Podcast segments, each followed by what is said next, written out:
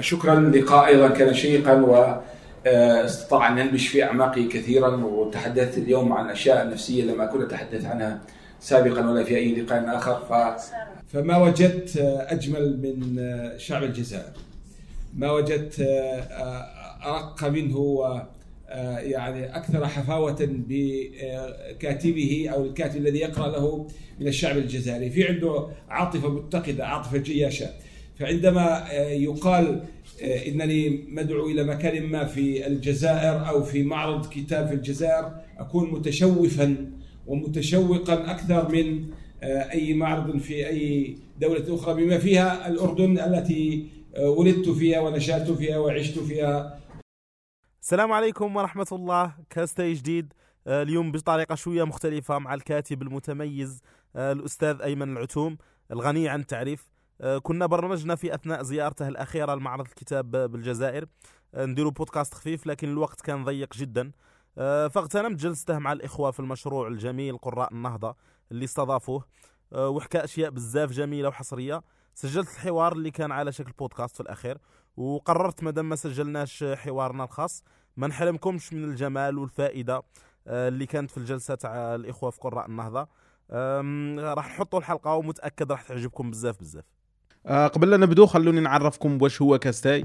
كاستاي بودكاست عربي جزائري يعرض تجارب ناس ويحكي قصصهم.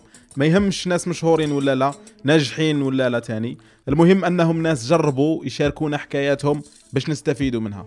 كاستاي تقدر تتفرجها على اليوتيوب وتاني تسمعه على منصات البودكاست كما سبوتيفاي وابل بودكاست وغيرها. وقبل لا نبدو شوفوا هذه الثواني البسيطة من الحلقات السابقة باش تدوا فكرة ونظرة عامة على البرنامج. هيا بسم الله. العقلية تاع عندي فكرة وإن شاء الله تكون نطبقوها وخاصنا نديروا لها خطة ومدى بيا نديروها والله ما تروح بها وما عندك ما عندها وين تديك. فأي شاب أنا متأكد بأنه يخمم في حاجة كيما هكا سواء. قابل للتحقيق ولا مش قابل للتحقيق ولكن هتدور في راسك. وي. قال لي وزاد قلت له مرتي قدام عينيه. نوجه رسالة تاعي إلى الاشخاص ذوي الاحتياجات الخاصة. واش تقول لهم؟ دائما نخاف أني راني ننشر يعني إيجابية بحاجة سلبية. قال لي فاحتسبنا هذا لله سبحانه وتعالى ولكن قال لي عندنا ثقة كبيرة أنه يوم القيامة راح ندخل الجنة. بهذه الكلمة بهذه الكلمة. نقول فيها سبحان خالق الدنيا من ما كان شيء. صلي على النبي في سير الزمان صلي وسلم على النبي القريشي محال ما وصل منزلة إنسان.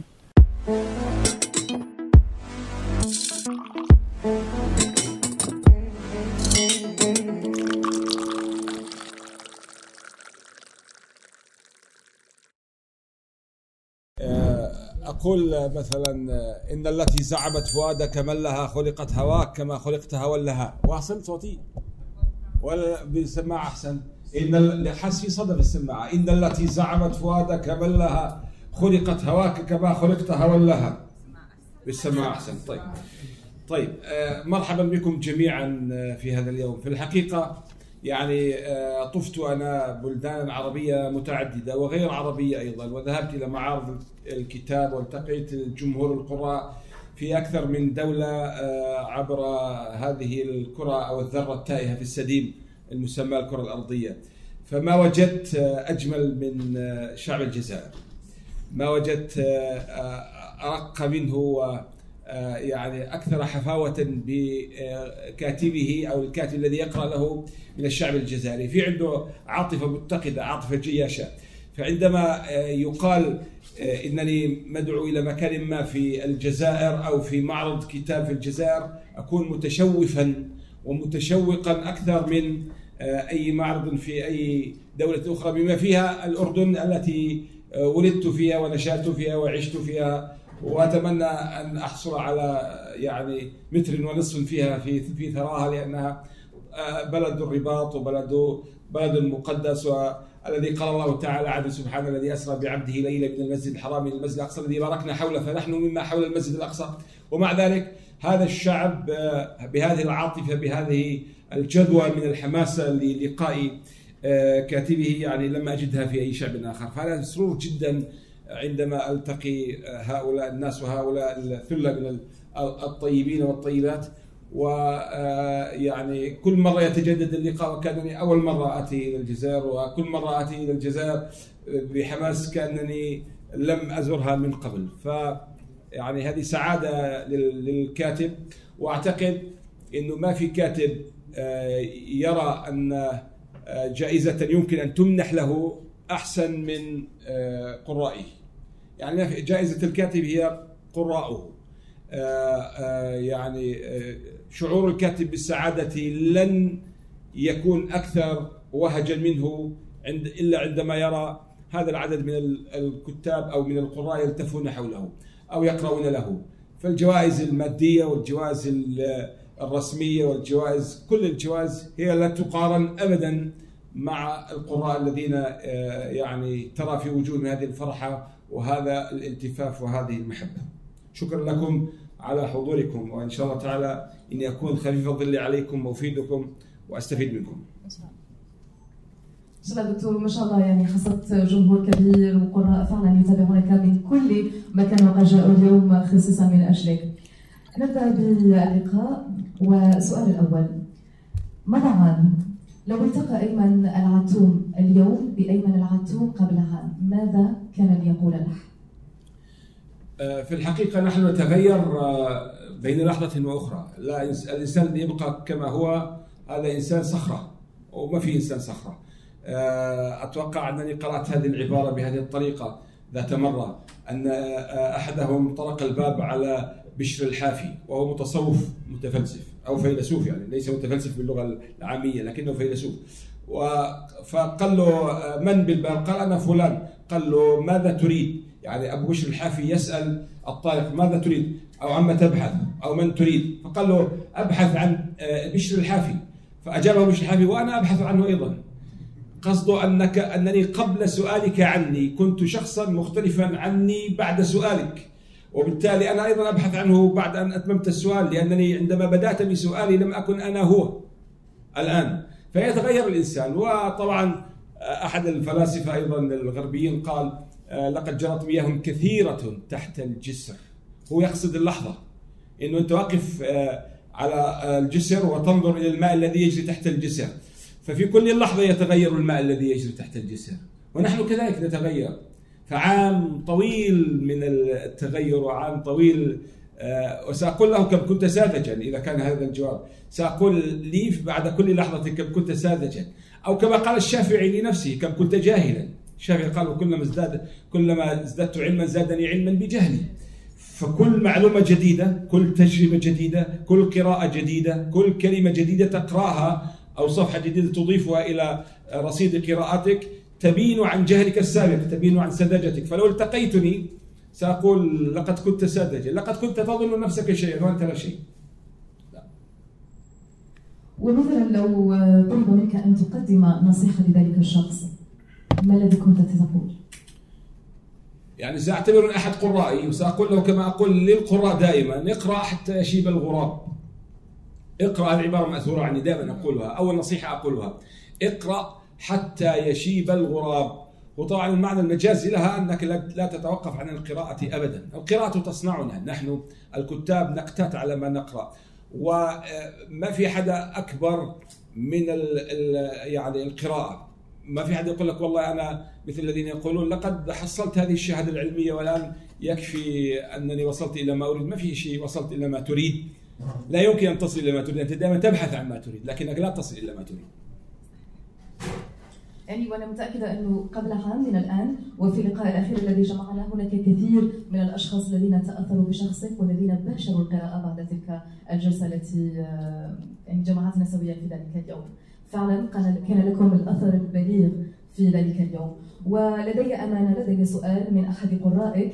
يقول كيف أستطيع أن أكون يوما مثل أيمن العتوب؟ أيمن العتوب لا يشبه نفسه بالمناسبة لا تسعى أن تكون مثل أيمن العتوب أصلا. هذه آه، لن يفيدك ذلك في شيء. اسعى أن تكون ما تريد وليس حتى كما يعني كما تريد لشخصك أن يكون وليس كما تريد أن تكون كأيمن العتوم أنا مثلا من العشاق المهووسين بشكل لا يصدق يعني قرات الغرب والشرق والشمال والجنوب والفلسفات كلها بحمد الله طبعا ذلك من فضل الله أربعون أو يزيد في القراءة.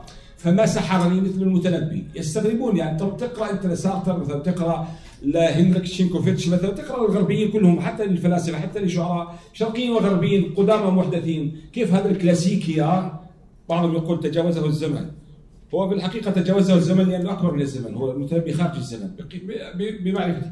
فأنا أقول آه، مهووس بالمتنبي بس لا يمكن أكون مثل المتنبي. يعني هو شخص أوتي آه، لا يكلف الله نفسا إلا ما أتاها. أوتي قدرة فبرع في ذلك المجال.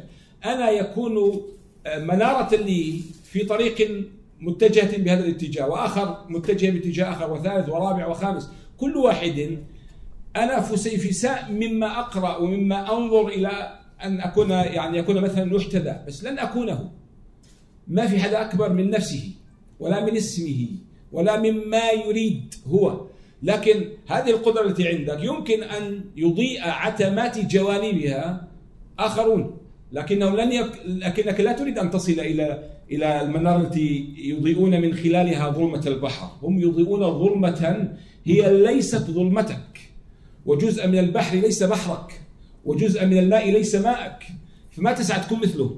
لكن سعى أن أن تكون ما تريد واستعن به اجعله أداة من أدواتك. وليس آه، نموذجك الذي تريده أن تكونه. وضربت مثال لكم بالمتنبي. يعني الواحد الآن لو يقول لي بيت المتنبي؟ يمكن أني أنا أحكي له تاريخ البيت. والسيرة الذاتية للبيت مش للمتنبي. لأن المتنبي ممكن تقرأ. السيرة الذاتية للبيت.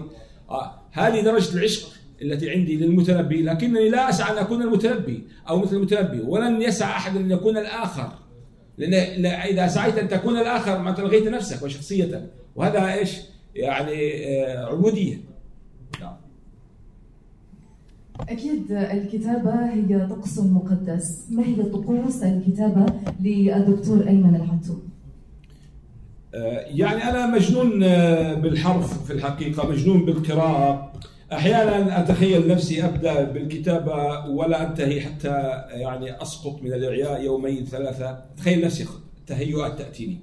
أحيانا أنغمس في القراءة ادفن راسي في الكتب. أتخيل لا يحدث ذلك في الحقيقة. لكن أتخيل أتمنى أن يحدث ذلك. اتخيله آه، ادفن نفسي في في الكتب في الحروف إلى أن تقوم الساعة. آه، لكن ذاك لن يحدث لأنه الإنسان في الأخير هو إنسان. آه، لديه حاجات إنسانية. آه، رب العالمين لما قال له المسيح وأمه قال كانا يأكلان الطعام. يعني إيش؟ عنده حاجات انسانيه لا يقدر يكون إله. وأنت ما تقدر تكون ما تريد يعني في خيالاتك. فانا ممن يأكل الطعام وبالتالي سأكل الطعام وسأنام وسأذهب إلى الحمام وهكذا. يعني فعندك حاجات إنسانية. وإلا لو أنا أريد ما ما في خيالي وما في أمنياتي وما في عقلي لدفنت نفسي بين الكتب. أو لتمنيت ميته كما مات الجاحظ مثلا تحت الكتب. آه، وبالتالي آه، أتخيل أن هذا طقس من طقوس قراءاتي وكتاباتي أن أن تدفن نفسك في القراءة وفي الكتابه وفي الحرف إلى أبعد مدى.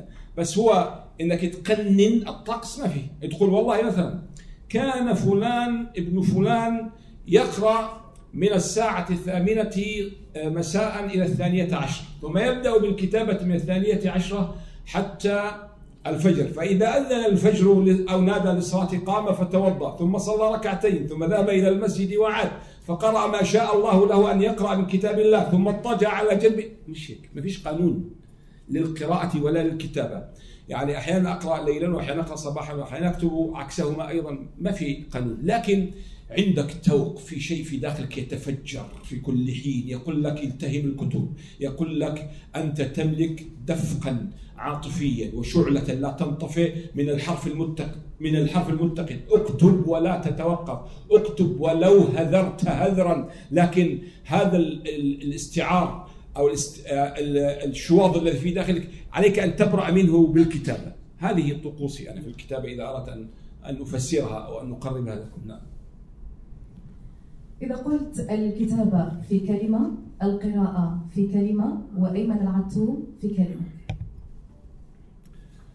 القراءة آه، آه، هي الجسد الذي يقتات عليه الكاتب الطعام الطعام الفاخر القراءة. الكتابة هي قيء ما أكل وأيمن العتو لا شيء. لأن العتوم بالنسبة لنا اليوم كل شيء فعلا. سعداء جدا مرة أخرى باستضافتكم. إذا أيمن عتوم نعود إلى الطفولة. نعود إلى جرش أكيد حمل هذا البلد الكثير من الذكريات. الآن وفي هذه اللحظة عندما ذكرت جرش ما الذي تبادر إلى ذهن أيمن الحتوم؟ إذا بدك الحقيقة نعم. عندما قلت جرش تبادر لي صورة الطفولة. إني أنا كنت ألعب حافي القدمين. في الآثار في المدينة جرش الأثرية التي تعد أهم عشر مدن الديكابوليس الرومانية. يعني إحنا لم نكن نعرف أنها مهمة وأنها آثار. كنت ألعب حافي القدمين وأحيانا شبه عار في هذه الطرقات. فهذا الطفل الذي كان في في جرش. يعني لم تشكل لي لأنه طفل أنا لا أعرف ما هي جرش ولا تاريخ جرش ولا ولا آه، يعني آه، سيرورة التاريخ في هذا المكان ولا الابطال الذين مروا وماتوا سواء من رومان ولا من عرب ولا شرحبيل بن حسنة ولا ولا غيره من القادة العظام الذين مروا عبر هذا المكان. فذكريات بسيطة عادية المشي حافيا اللعب واحيانا يعني الشجارات الطفولية ما بيني وبين أقراني في في ذلك المكان، أنا لم أكن شقيا وأنا طفل كنت يعني أطعم العصافير القادمة من الجبال الشمالية. فعلا لكل منا ذكرى وطفولة تبقى مكانا مقدسا جدا في حياة كل واحد منا. إذا ننتقل الآن أكيد آه هذا التفصيل عرفناه العام الماضي لكن هناك قراء جدد أتوا اليوم. الهندسة المدنية واللغة العربية علمان مختلفان أولهما علمي والثاني أدبي. كيف جمعت بينهما؟ آه، جمعت بين الهندسة والعربية آه، كما جمع الرازي بين الطب والموسيقى والفلسفة والشعر وكما جمع ابن سينا بين القانون اللي هو هو علم المنطق وبين الطب وبين الشعر الشاعر آه، ابن سينا. وكما جمع الجاحظ أيضا وهي علوم مختلفة اللي قلتها أنا صحيح؟ وكما جمع الجاحظ أيضا بين الفلك كان فلكيا تخيل. وكان يعرف بالبرصان والأرجان والعميان والحولان له كتاب حوالي 800 صفحة. لكنه نادر الانتشار. ها؟ يعرف كل شيء. قضية إيش؟ معرفة. استخدم عقله ما استخدموش. ما فيش على فكرة هندسة علمي وعربي أدبي لم تظهر الا عند الجيل العربي الجديد. وهو أيضا آه، تلقيم. مش تلقين تلقين الغرب حطه في دماغنا انه في فرق بين بين أدبي وعلمي. مفيش فرق. عقلك شغال ومش شغال بس أنت تحفر فيه في هذا الاتجاه ولا في هذا الاتجاه؟ أم لا تحفر؟ ولم اجره لغيرك. فما أنا بالنسبة لي تجربتي الشخصية اللي أنا أتكلم عنها ما وجدتش فرق ما بين إني بدرس هندسة وبدرس لغة عربية. فيش أنا دماغي شغال ولا مش شغال بس في الجهتين. فما وجدت إنه والله في نقلة كبيرة ونوعية كما يتخيل الناس. بين دراسه الهندسة والرياضيات والتفاضل والتكامل وال construction وال fluid mechanics هذه مواد العلم بالهندسة ولا بين المتنبي. طبعا أجمل أجمل المتنبي بكثير آه بس كلاهما علم يعني أنت تبحث فانت تمشي طريق وتجد فيها يعني شوك وطريق تجدها ممهدة. المتنبي كان يمهد لي الطريق. آه علماء الهندسة كانوا يعقدونها كانوا يضعون الحديد في طريقي.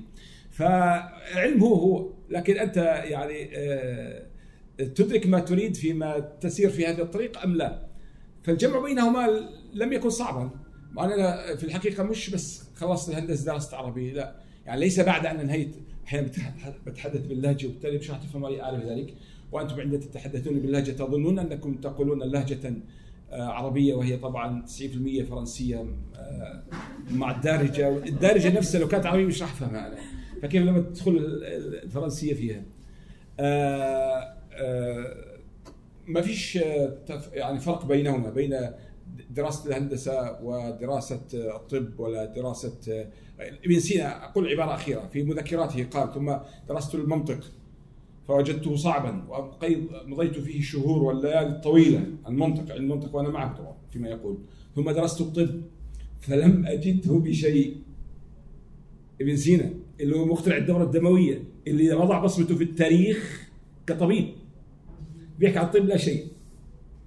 يزعلوا هسه الأطباء إيش اعمل يزعلوا. يعني يزعلوا من الكلام بس اللي حكى أنا أنقل. نعم يكفي هذا الإجابة. أنا لدي كلام كثير لكن لا أريد أن أطيل في الإجابة. تفضلي. شكرا. الان نفتح باب النقاش للقراء لطرح أسئلة على دكتور أيمن الحتوم بخصوص حياته الشخصية قبل أن نغوص بكتبه لاحقا. عندي ملاحظة بس طبعا. أكيد تفضل. نعم. أنت مقدمة رائعة وجميلة ومتقنة. لكن مثل كل المذيعين عبر الوطن العربي يخطئون في اسمي. ما أحد قال اسمي بالحق صحيح. نعم؟ العتوم. دائما وصل له الأمور طبعا العتوم جزء صعبه تكون عتوم. عتوم. بس وصل لهم أقول لهم ما جمع نجمة. نجوم وعتمة. عتوم. فهم يقولوا عتوم أو آه، عتومي أو عتوم أو عتوم. يعني صح كل شيء بيحكوا غير الاسم الصحيح وهو على كل حال يعني الاسم ليس ليس مهمة بس أنا بالأخير لم أعد اصحح للذين يعني يقولون ينطقون اسم ما في مشكلة. المهم ما تقدم مش قال آه، أبو ذر الغفاري مولانا قال إن الأرض لا تقدس أحدا. ما في حدا ابن وزير ومن عائلة فلانية ومكان فلاني لا. إن الأرض لا تقدس أحدا. شوف الحكمة. إنما يقدس المرء عمله. الخلق الحديث الخلق كلهم عيال الله. يعني كل مع مسطره واحدة على مستوى واحد. هسمين كيف التمايز بينهما؟ أحبهم إليه يعني إلى الله. أنفعهم لعياله. شو قدمت للناس؟ إذا أسئلة للدكتور أيمن العتوم تمام, تمام. صح. سؤال بخصوص حياتي الشخصية. تفضل أستاذ. السلام عليكم. مرحبا بك في بلد الجزائر الثاني حياك الله يا سيدي. وتوجد قطع أرضية كثيرة في الجزائر عندي أسئلة كثيرة أختصر سؤال واحد فقط. تفضل. عامي 96 و 97 ماذا يمثل هذا؟ آه نعم. أعيد السؤال أخونا الحبيب سأل آه عامي 96 و 97 ماذا يمثلان الدكتور؟ نقطة تحول في حياتي كلها في الحقيقة لأنه كانت سجن. بس السجن ما كانش يعني عقدة بالنسبة لي. في عندي عقد في الطفولة. عم أطلعها في كتبي صحيح. أفرغها في كتبي. بس آه السجن ما كانش عقدة. كان نقطة تحول آه كبيرة في حياتي في الحقيقة لأنه استطاع أن يلقي حجرا في بحيرة عقل الراكدة استمر اندياح دوائرها إلى اليوم ربما يستمر إلى أن أموت. اندياح الدوائر التي ألقاها السجن في 96 و 97 في بحيرة عقلي. حجر ألقي ودوائر لم تستمر لم تتوقف عن الاندياح. القراءة والتفتع على العقل ومعرفة الآخر. في أشياء في السجن لا يمكن أن تعرفها إلا إذا دخلته. لا يمكن. مهما قرأت لغربيين وشرقيين مهما قضيت سنوات طويلة في القراءة لا تعرف إلا بالمعايشة. أنتم لو قرأتم مئة كتاب عن الفكر السلفي الجهادي لن تعرفوا ما هو ولا ماهيته إلا عندما تعايشوا أفراده. في السجن خاصة ليش؟ يعني ممكن تعيشوا من برا ما تعرفوش الحقيقة كاملة نصف الحقيقة. في السجن لأنه في السجن كل ينزع عنه ثوبه ويبدو على حقيقته أمام الناس. ما فيش أزياء ما فيش قناع تخفي حول خلفه حقيقتك أنا كنت مكشوف. كل واحد في السجن كان كان مكشوفا ما هو ومن هو. فاشياء كثيرة في السجن لا تعرفها في الحياة لا تعرفها. أنت يمكن أن تعرف الحياة بكل زواياها عندما تدخل السجن لكنك عندما تكون خارج السجن أنت أنت تعيش في مجتمع مزيف أنت تعيش في مجتمع متقنع يلبس أقنعة متعددة. لصوص يظهرون بأقنعة الشرفاء أه؟ وفسقة يظهرون بمظاهر الشيوخ. ليش؟ لأنه يلبس قناع وأنت ليس لديك فرصة لكي تعرفه السجن يكشف لك هو أصلا لا يخجل من حقيقته العارية أمام الناس لأنه ما عندوش سبيل لإخفائها تمام؟ آه. فهو إذا تختصره كان نقطة تحول في حياتي ونقطة تحول إيجابية وليس عقدة كما يقول بعض الذين درسوا رواياتي فقالوا أنت دخلت السجن ولم تخرج منه وكتبت لنا من نصف رواياتك ذهبت إلى أدب السجون خمس روايات من رواياتك ذهبت إلى أدب السجون. فأنت اخرج من السجن يا أخي هل هو عقدة يعني أنت توقفت عند عامي 96 97 لا هو نقطة تحول إيجابية صنعت في داخل أشياء كثيرة. ألقت حجرا في ماء البحيرة الراكد واستمر اندياح هذه الدوائر في الاتساع أخذت في الاتساع إلى ما شاء الله. سؤال آخر؟ سؤال آخر تفضل. السلام عليكم. سلام أستاذ أنا أتابع برنامجك في ظلال المتنبي أعرف كم تحب المتنبي كما قلت لنا. أريد أن أعرف متى متى عرفت قصتك مع المتنبي يعني متى عرفت المتنبي أول آه، لقاء لك مع المتنبي آه، كنت ألتقي خياله منذ ال- الثامنة من العمر التاسعة. يعني كنت في الابتدائية. أحفظ شعره لكني كنت ألتقي خياله لكني نبشت عليه قبره. في الجامعة. واصطحبته في 19 من قرأ 19 سيعرف أنني نبشت قبره أنه كان في 19 هناك 19 ريشة وأنا حزت كبطل الرواية مش أنا يعني بطل الرواية حاز آه، يعني مجموعة من هذه الريشات وكان يستطيع كل ريشة أن أن أن توقظ 19 ميتا. فأول واحد بدأت به هو المتنبي أيقظته من قبري وحاورته. فالمتنبي يعيش في منذ أكثر من 30 عاما. وكنت أقرأ قراءة عابرة لكن مع الزمن كل مرحلة عمرية يقرأ المتنبي بمستوى معين بمستوى مختلف يغوص فيه أكثر الإنسان. يجد أنه أحد الفلاسفة الكبار. يعني مثلا آه بيقول هو بذا قضت الأيام ما بين أهلها مصائب قوم عند قوم فوائد هسه بجوز نص العالم بيقول هذا هذا المعنى معنى البيت وإن لم يقل لفظ البيت. مصائب قوم عند قوم فوائد. هو الذي يقول مثلا آه ما كل ما يتمنى المرء يدركه تجري الرياح بما لا تشتهي السفن. نص العالم يقول المعنى بس يقول المعنى متنبي. آه هو الذي يقول مثلا والهجر أقتل لي مما أراقبه أنا الغريق فما خوفي من البلل هي إيش؟ هسه بدي واحد منكم يحكيها بال- بالعاميه الجزائرية. هي واقع واقع. إحنا بنحكي بالعاميه الأردنية. واقع واقع. يعني إيش؟ آه فشو بدي أخاف من شوية. هي آه مثلا. آه يعني إيش تحكوا بالجزائرية أنتم؟ طايح طايح. آه. أنا الغريق فما خوفي من البلد. آه أو واحد مثلا إيش؟ يقول له أنت تقدر تعمل هاي الشغلة؟ مثلا هل تستطيع أن تفعل هذا الشيء؟ فيقول له زي ما هذه شغله سخيفة بالنسبة لي. أنا متعود على الاكبر منها.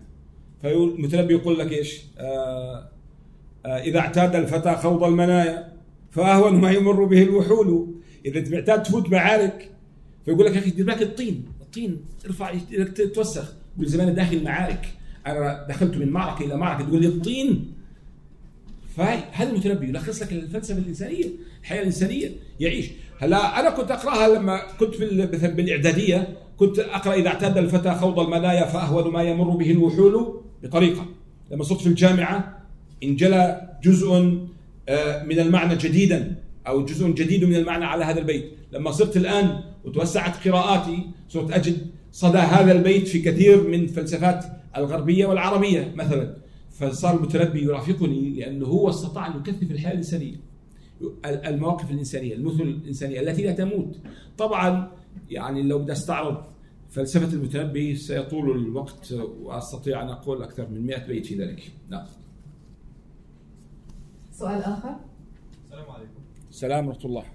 نستطيع أن نشبه الكتب بحزمة الأسهم. وكل كتاب يحتوي على مجموعة من الأفكار.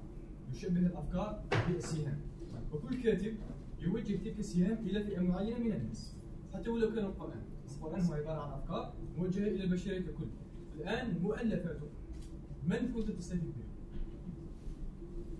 اولا تشبيه جميل والسؤال أجمل أيضا. أنا مؤلفات أست- أستهدف بها كل البشر. يعني زينت لقوم آه، لون السهام أو شكله أو ريشه وزينت لآخرين أيضا على حسب يعني آه، الفئة التي أستهدفها. لكنني أستهدف كل الناس. وبالتالي أنا أقدم نفسي ككاتب إنساني ليس كاتب ذو أيديولوجية محددة أو ذو فكر محدد أو ذو عقلية واحدة. لماذا؟ لأنني أعتقد أن الأدب هو أعظم ما أنتجته الإنسانية وهو أخلد ما أنتجته الإنسانية. فمخترعات الفراعنة صارت جزءا من التاريخ لكنها لم تعد موجودة.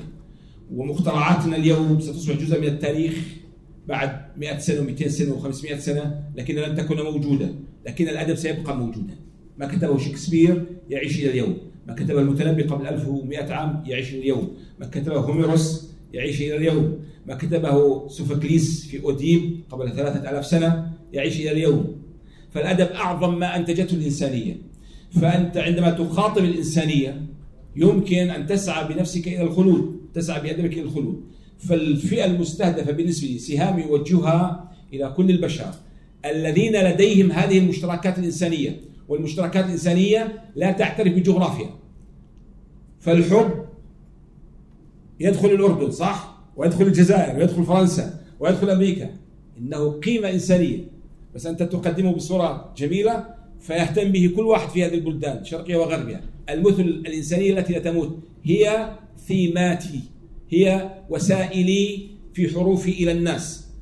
فطر الناس على حب الشجاع وعلى كره الجبان وعلى حب الكريم. وعلى كره البخيل لن يأتي زمن مهما تطورت التكنولوجيا ولو بعد خمسة آلاف سنة يصبحون يحبون البخيل ويكرهون الكريم. هكذا فطر الله الناس. فأنت تذهب إلى ما فطر الله الناس عليه فتكتب فيه بأسلوبك فتقنع وتمتع وتفيد. فهذه الفئة هذه السهام التي أوجهها يا سيدي. شكرا. وقد أقنعت وأمتعت. الله فعلا سؤال آخر. تفضل. تفضل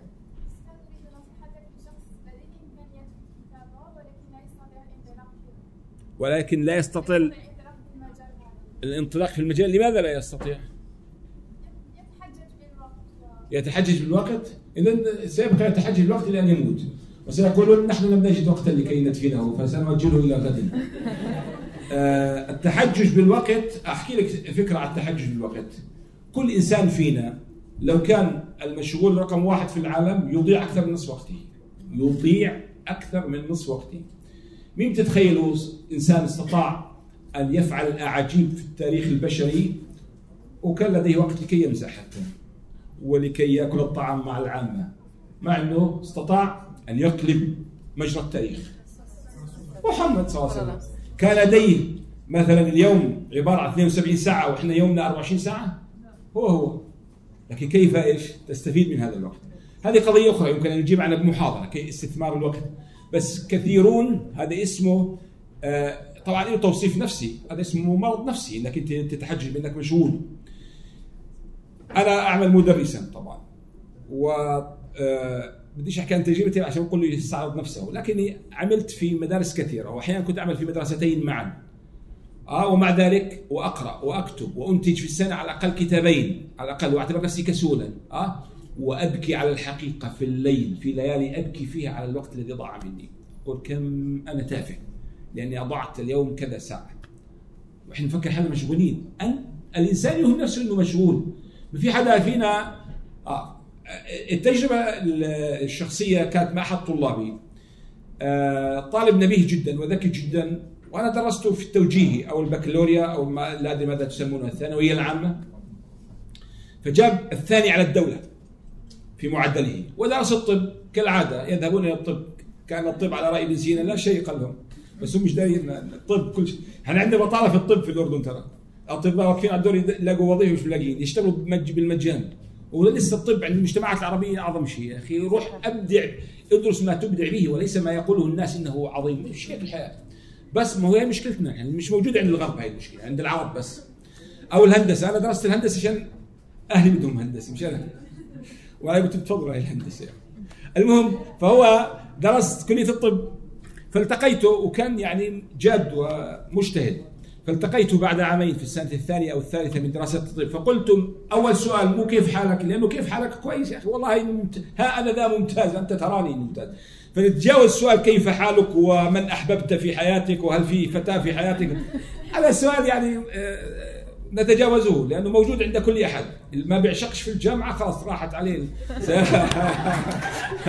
فدير بالكم أنت أيها الفتى الجامعي عليك أن تخرج يعني بحبة فؤادك وأنت في الجامعة وأنت أيضا الفتاة الجامعية. إذا طلعتوا برا الجامعة خلاص صارت فرصكم في الارتباط بمن تحبون قليله جدا. ولذلك أنا تعبت. يعني تعبت ست يعني حوالي ثمان سنوات وأنا أبحث عن رفيق الدرب لأني ضيعت فرصة الجامعة وهي ضيعتها لم, لم تحبني التي أحببتها آه كما قال نزار أحببتهن وهن ما أحببنني وصدقتهن ووعدهن كذاب. أحاسب امرأة على نسيانها وما تستقام مع النساء حساب؟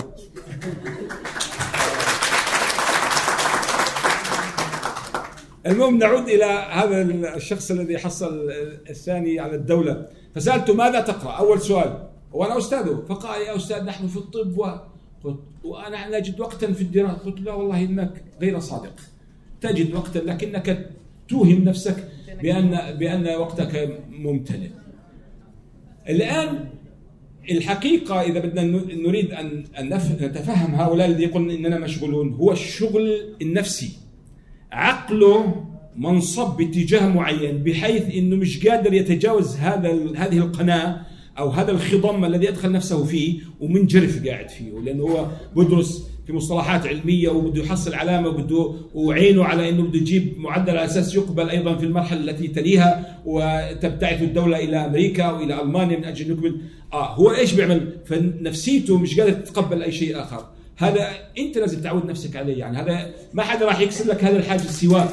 فإذا استطعت أن تكسر هذا الحاجز آه، يعني فلن يفعل أحد ذلك أفضل منك. فنحن نقول الجواب كل لديه وقت والقراءة بالمناسبة مقدمة على كل شيء. يعني إذا كان عندي خمس ساعات وقت زائد فائض آه، خارج إطار العمل ووظائف الحياة اليومية فأول واحدة في الأولويات. عندي عشر أشياء أعملها في الخمس أشياء في الخمس ساعات. أولا القراءة لأن الله تعالى جعلها أولا. فقال اقرأ أول شيء. يعني إيش؟ يعني مقدمة على بر الوالدين. اقرأ لك عشر صفحات ثم اذهب قبل يد أبيك ويد أمك. لأنه العشر صفحات راح يخلوك تقبل يد أبيك وأمك. هم اللي يحثوك على هذا الشيء. هم راح يخلوك تعرف الطريقة المناسبة في فعل ذلك. هذا تعبير مجازي. الطريقة المناسبة أن تأخذ هدية إلى أبيك وأمك أن تختار الكلمات الجميلة لن تعرف كيف تختار الكلمات الجميلة إلا بالقراءة. لكي تدخل السعادة إلى قلب أبيك وأمك. مثلا هذا أنا بحكي مثال. فهو لازم واحد يرتب أولوياته. لازم يدخل إلى عقله وقلبه وفؤاده وجنانه أن هناك وقت كثير يضيع. وعليه وأعتقد أن الصالحين كانوا يفعلون ذلك والعلماء كانوا يفعلون ذلك والرسول صلى الله عليه وسلم كان يفعل ذلك. تبكي عليك أن تبكي على الوقت الذي تضيعه لأنه في وقت كثير ضاع كثير. آخر سؤال تفضل.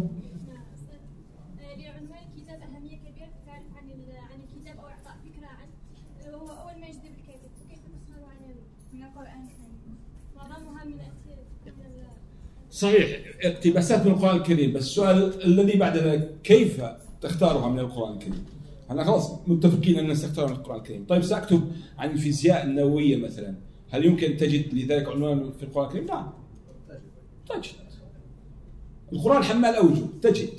بس كيف تختاره؟ لا طبعا مثل مثل أي كاتب آخر في ثلاث حالات يعيشها الكاتب عندما يريد أن يختار عنوانه. إما أن يختار العنوان يكون قد طرق عقله بمطارق من حديد محمى من حديد فهو اختار العنوان وبلش يكتب تحته لأنه هذا الموضوع أجمل شيء هذا العنوان. وهذا نادرا ما يحدث معي لكنه يحدث. والنقطة الثانية أنا الفكرة موجودة عندي وبدأت وبمنتصف الكتابة اخترت عنوان لأنه برز نبت من جوف الأرض فصعد إلى سطحها فجعلني أختار العنوان. والحالات الكثيرة تحدث بعد أن أنهي الرواية. لكن إذا وصلت إلى منتصفها أو إلى آخرها وأردت اختيار عنوان فتحتاج إلى وقت يوازي تقريبا نصف وقت الكتابة. فإذا كتبت الرواية في شهرين فأنا أحتاج إلى شهر حتى أستطيع أن أحصل هذا العنوان. ليس دائما لكن كثيرا ما يتعبني العنوان. حالات يعني مثلا حديث الجنود وضعت عشر عناوين لها.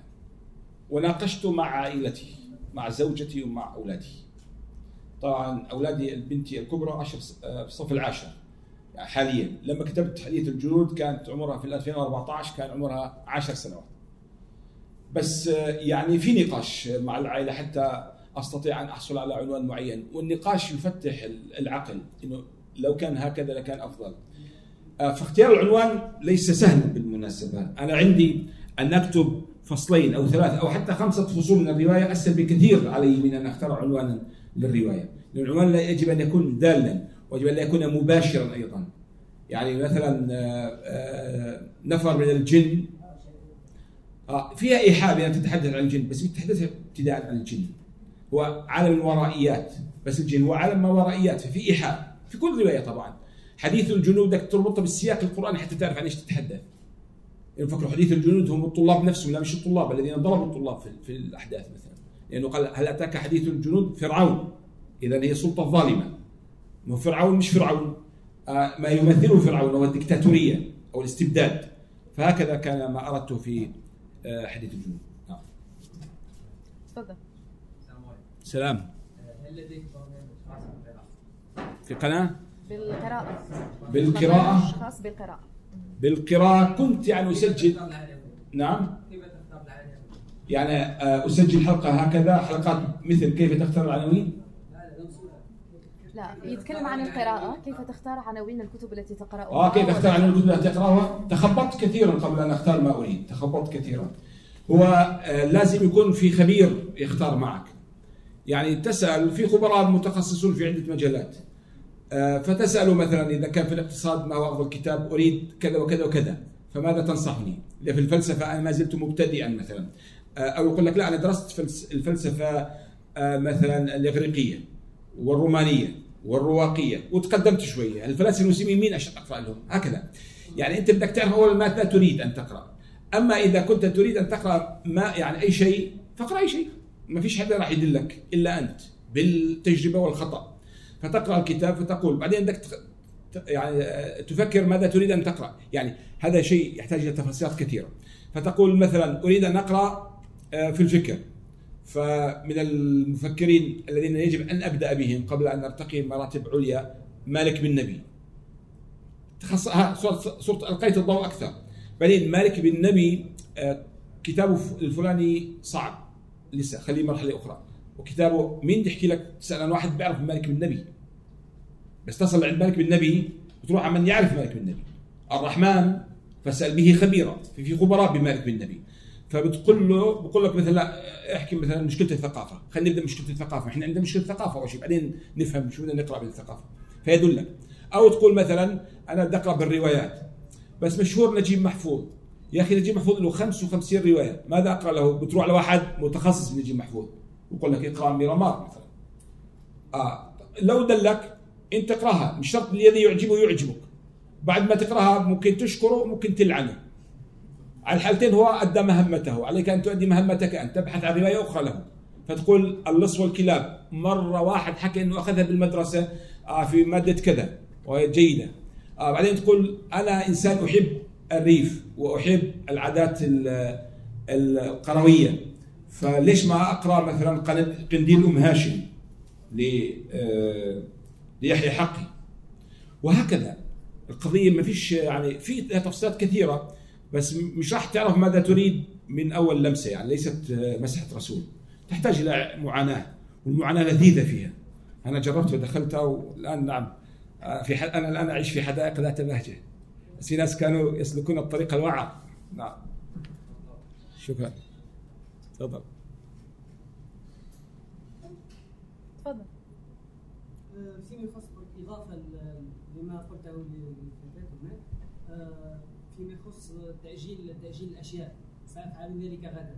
إذا ج- جاءني شيء لأفعله أفعله في الحين. وإذا أجلته لن أفعله أبدا. هذه الفكرة ال- الأساسية. وسؤال سؤالي فقط آه، يوجد هناك من قال لطفل صغير آه، لأجل نصحه للقراءة إذا لم تجد ما لا تفعل فافتح فافتح كتابا واقرأ ما قولك فيما يعني آه، أن تفتح كتابا وتقرأ آه، هي آه، أعظم مهمة في التاريخ وهي التي يمكن أن تفتح بها العالم وتغير بها وجه التاريخ أيضا. فهي صح بسيطة يعني يمكن أن تقولها للناس لكن يختبئ وراها شيء كبير جدا. بس مش يعني نقولها على أننا يعني أنه اعمل لك أي شيء. القراءة هي كل شيء. مظلة لما هبطت اقرأ من السماء يعني هي مظلة نازلة فكل شيء تحتها. منين جاي من السماء. معناته هي أعلى شيء وكل شيء دونها. فالبشر دونها. والكوكب دونها. والمجرات دونها. والسماوات الدنيا دونها. القراءة أعلى شيء. بس أنت كيف آه، يعني نقول هذه الكلمة بهذه البساطة لكن أيضا مقتنعين بعظمها. صغير. الاشكال في إنه طفل صغير؟ سيأخذ القراءة على أساس إنها فعل ثانوي هذا هذا ما قبل هل توافق. نعم. الصغير ام لا؟ أوافق بس أضع بين يدي طبعا الكتب المناسبة. يعني أو الكتب التي تستهدف عمره. مش راح أضع قدام مثلا. مثلا لا فتاوى ابن تيمية مثلا. شعر قدام فتاوى ابن تيمية مثلا 50 مجلد. واقول افتحي كتاب أو أضع امامه قصة الحضارة لويل ديورانت. واقول له شوف لك أي مجلد. دبر راسك. ما ينفع صح. آخر سؤال من فضلكم. تفضل.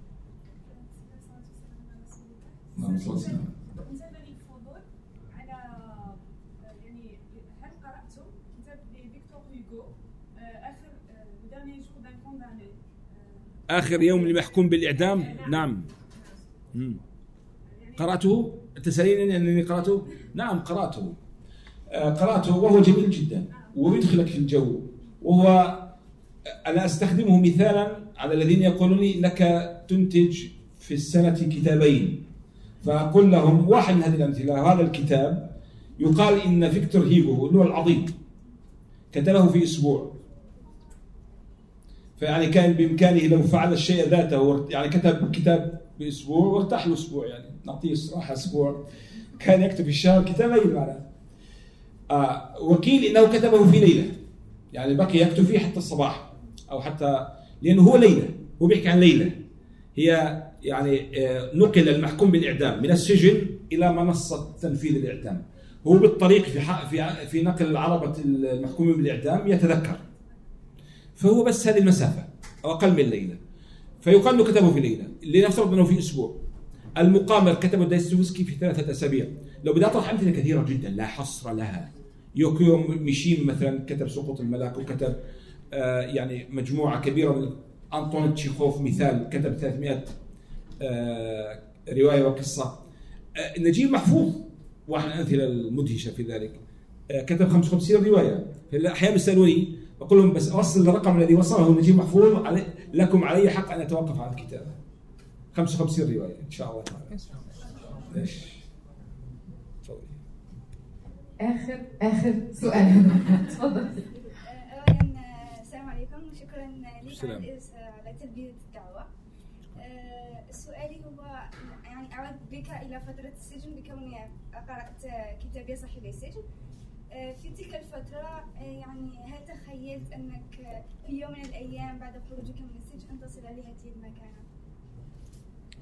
آه لم أتخيل وحتى الآن أنا مندهش مما يحدث على الحقيقة أنا آه، أظن نفسي أنني في حلم فكل يوم أقول ما الذي يحدث؟ لماذا الناس مج- مجانين هكذا؟ لماذا يقرونني؟ ما الذي قدمته للبشرية حتى يقرأوا؟ أنا إنسان ساذج وبسيط وتافه وأقدم آه، هل أنا أضحك على الناس بالحرف الذي اكتبه؟ هكذا هذه كل الاسئله تراودني على الحقيقة. بعدين أقول إنني ألهث في الكتابة. ما الذي يدعوني إلى أن ألهث؟ هل هناك أحد هل هناك كلاب تلحق بي؟ هل هناك صوت آه، خلف ظهري؟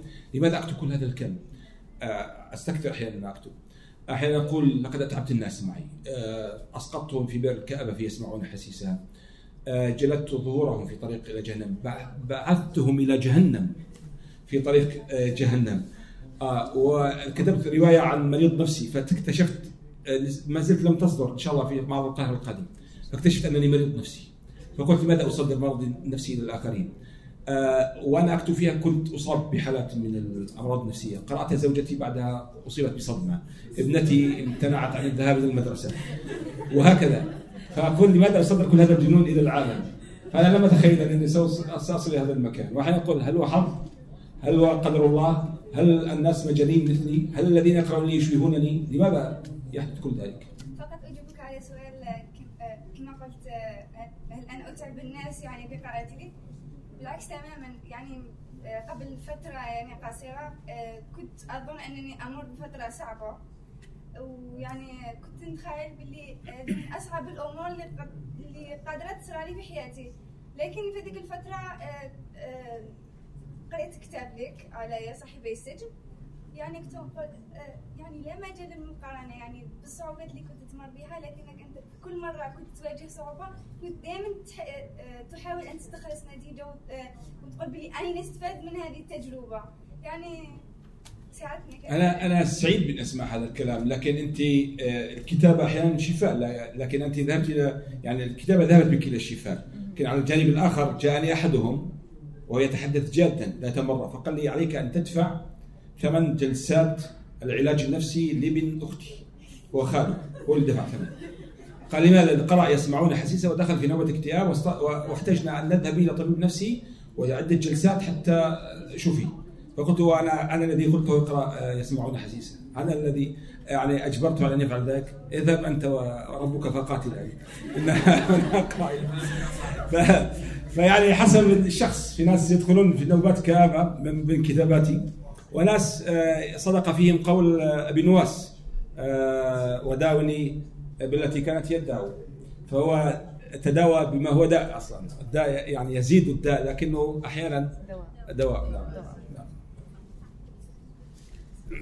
وكتابتك فعلا كانت دواء للكثيرين وساعدت الكثيرين وساهمت في بناء شخصية كثيرين آه، سؤالي هو الجانب النفسي مهم جدا وموجود بكثرة في كتاباتك.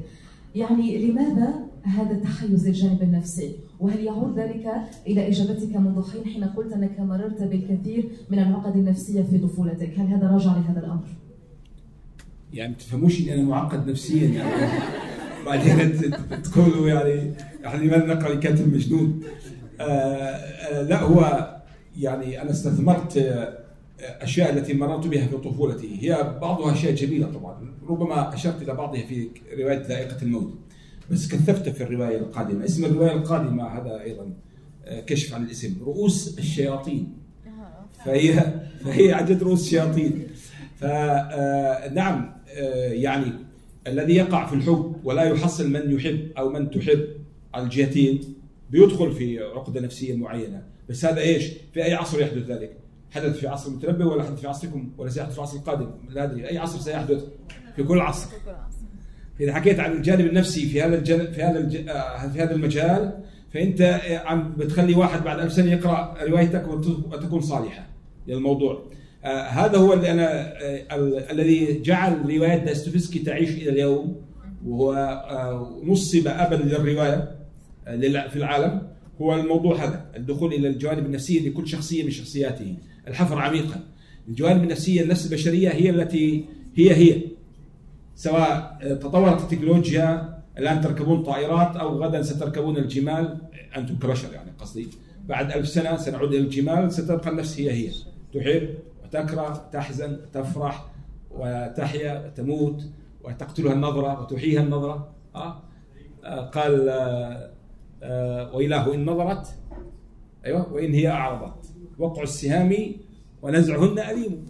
يعني في الجهتين وما كلهما نعم. فهو هكذا أنا أذهب إلى القضايا النفسية لأنه هي التي تعيش وهذا أنا ما أعمل عليه وهذا أنا ما أقوله حين في لقاءاتي أقول أنا أقدم نفسي كاتب إنساني يهتم بالقضايا الإنسانية التي لا تموت ولا تتبدل مع الزمن. دينك على العين والراس. توجهك على العين والراس، فكرك على العين والراس، قلبك على العين والراس. بس هذا دينك بينك وبين الله أنا لا أحاسبك عليه. لدي ما أقوله بالكلمة الطيبة ولكن لا ألزمك بشيء. وبالتالي مش هذا مقصدي. في رواية مقصده أن أنبش في أعماقك أو أن أنبش أعماقك. جيد. والآن نبدأ من النهاية. نبدأ من آخر مولود بآخر كتاب أنا يوسف. لماذا يوسف عليه السلام عن كل الأنبياء؟ لماذا اختيار هذا النبي تحديدا؟ آه نعم بس تصحيح بسيط. العمل الأخير هو يوم مشهود. نعم. آه أنا يوسف هو صح حديث بس الناس بطلت تتبعني لأنه كثر كثره الإصدارات. آه نعم الحمد لله. فيو آه أنا يوسف عن النبي يوسف. كان التحدي فيها أن تكتب عن النبي قصته معروفة من أولها إلى آخرها. عقد الأحداث معروفة. العقد الصغيرة وحلها معروف. العقده الكبيرة معروفة. الزمن معروف. الأمكنة معروفة. ذكرها القرآن وذكرها الكتاب المقدس ذكرها العهد القديم في التوراة بما يشبه حد التطابق بين النصين فما الجديد الذي تضيفه؟ وهذا السؤال كان. إلي قبل أن يقوله الناس أنا أنا أقوله أنا طرحته على نفسي قبل أن يطرحه أحد علي الجديد باختصار حتى أيضا لا أطيل عليكم. الجديد هو الجانب الإنساني من يوسف وليس الجانب الديني وليس الجانب التاريخي. فالجانب التاريخي والديني يعرفه الناس ويستطيع أن يقرأوه في التفاسير حتى إذا لم يدركوا النص القرآني أو النص التوراتي. بس الجانب الإنساني. ما المقصود بالجانب الإنساني؟ إنه أنت بتعرفوا إنه قالت هيت لك أو غلقت الأبواب وقالت هيت لك. هيت لك اللي من كلمتين أخذ سبع صفحات مني. أنا بشتغل على الجانب الإنساني. شعوره وشعورها. هل تخيلتم؟ نفسك أو نفسك مكانه أو مكانها؟ هذا التخيل. طيب هو ألقي في البئر صح؟ كلنا يعرف هذا المعنى. ما الذي شعر به وهو في البئر؟ وهو في البئر. هل كنت معه في البئر؟ عشان تشعر بشعوره. أنت الآن تحكي تحكم على شعوره بإنسان عمره 20 و30 و40 سنة. هو عمره 8 سنوات أو 10 سنوات. كيف شعور إنسان في بئر مظلم ثلاث ليالي بدون طعام عمره ثمان سنوات. فمن كان معه؟ الراوي اللي هو أنا. فكنت اساله كيف شعورك؟ فأكتبه.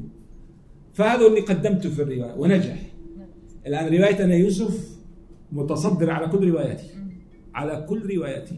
يسمعون حسيسها كانت رقم واحد الآن هي تتنافس مع يسمعون حسيسها السيرورة واضح إنها راح تتفوق حتى على يسمعون حسيسها يوم مشهود العمل الذي بعده هو عمل تاريخي لأن أنا مهتم أيضا بالتاريخ. وبانهاض التاريخ على قدميه من أجل أن نقدمه للناس. فهو تتحدث عن بطلها اسمه مشهور حديث الجازي في الأردن عندنا اللي هو قاد معركة الكرامة. المعركة التي لا 90% من العرب لا يعرفونها بما فيهم الأردنيون اللي هو هذا بطل اردني من الأردن. تمام؟ لا يعرفونها. هي المعركة تقريبا الوحيدة التي انتصر فيها الجيش أو المسلمون أو العرب على اليهود. آه اللي هي معركة الكرامة حدثت في 68 فهي سيرته تقريبا هو دخل 48 ببين الخيانات اللي صارت في 48 من خلال واحد آه في الحرب يعني مش واحد آه وأنا أخذت مذكراته وجلست مع أولاده وجلست مع يعني أحفاده وأخذت بخط يده كل ما كتب. فأنا يعني عددت للحدثان سابقة وعداء علمدا كما يقولون. يعني عددت لشيء للامر بشيء جيد. وقرأت كل الفترة سواء كنت حتى كتاب اليهود قرات لهم في الفترة. اللي تحدثوا عن معركة الكرامة وما قبل معركة الكرامة 48 67 وبيحكي عن 48 67 و68 فهي جزء تاريخي. وهي باعتقادي لغة أي من العلوم ستبقى هي هي. بس إحنا قدمنا التاريخ بلغه بلغة يعني نقدر نقول مشرقة أو شاعرية نعم. في في كتاب أنا يوسف استنطقت الشخصيات بكل ما تحمله الكلمة من معنى. يعني غصت بدواخلهم واستطعت أن تخرج كل إحساس شعروا به ما هي الشخصية التي كانت الأصعب في استنطاقها؟ زليخة لأنني لست امرأة. بس هو هذا رح نحكي إنه الروائي الجيد هو لازم يكون مريض نفسيا لأنه عنده تعدد شخصيات. فلما تكتب عن المرأة لازم يعيش شعور المرأة آه فأنا حاولت يعني وبكل ما أستطيع يعني قد أكون نجحت وقد أكون فشلت لكن أنتم الحكم القراء هم الحكم على آه هل زليخة كانت زليخة في هل كانت امرأة بهذا الوهج والتوق العاطفي أم لا؟ هل استطعت أن أن نقدمها للقارئ بهذه الطريقة أم لا؟ آه إضافة أكثر أكثر شخصية حزنتني أنه يعني تخيلوا إني أنا تعاطفت معها أستغفر الله ضد يوسف إنه يعني شعرت أنها معذورة فيما تفعل. يعني قدمت أنا للظروف المه... راح تكفروني بعضكم جزء كفرني وخلص بالحكي كده آه إن شاء الله آه يعني يطلع الله على ما في السرائر فيغفر لي. ويغفر لكم أيضا اتهامكم المب... يعني السريع لنا فهو آه نعم ماذا كنت أقول؟ نسيت. آه مهدت لفكرة ان هي معذورة فيما تفعل وإنه أي امرأة لو شو ما كانت مكانها ستفعل ما هو أبعد بكثير مما فعلت. وهي مسكت حالها 600 ألف مرة. والله كان يقدم لها الفتنة كاملة أمامها أمامها. ويوسف مش بس أوتي جمالا وقيل أنه أوتي شطر الجمال مش بس هذا.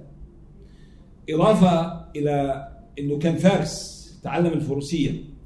إضافة إلى أنه كان حكيما وفيلسوفا تعلم الحكمة والفلسفة. أنت أحيانا تعجب بكلام الآخر دون أن تعجب بمنظره. وأحيانا تعجب بمنظره دون أن تعجب بكلامه. وأحيانا تعجب بعقله وبرأيه. وأحيانا تعجب بقوامه. مش بس جمال وجهه. أه؟ وأحيانا تعجب بأشياء كثيرة. كلها كانت في يوسف كلها. الآن بس هي الطبقية المشكلة كانت عندها.